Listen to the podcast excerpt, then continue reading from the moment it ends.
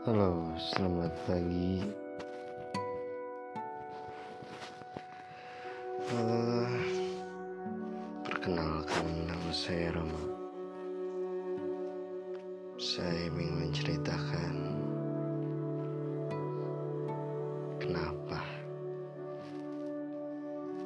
hati setiap orang kadang dibikin hancur, kadang dibikin gak hancur. Setiap perkataan orang ada yang berbeda-beda, kadang lembut, kadang kasar, kadang tidak tidak diakal. Setiap manusia memang berbeda-beda.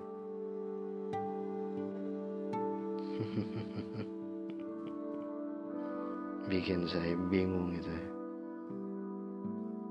Apa maunya manusia?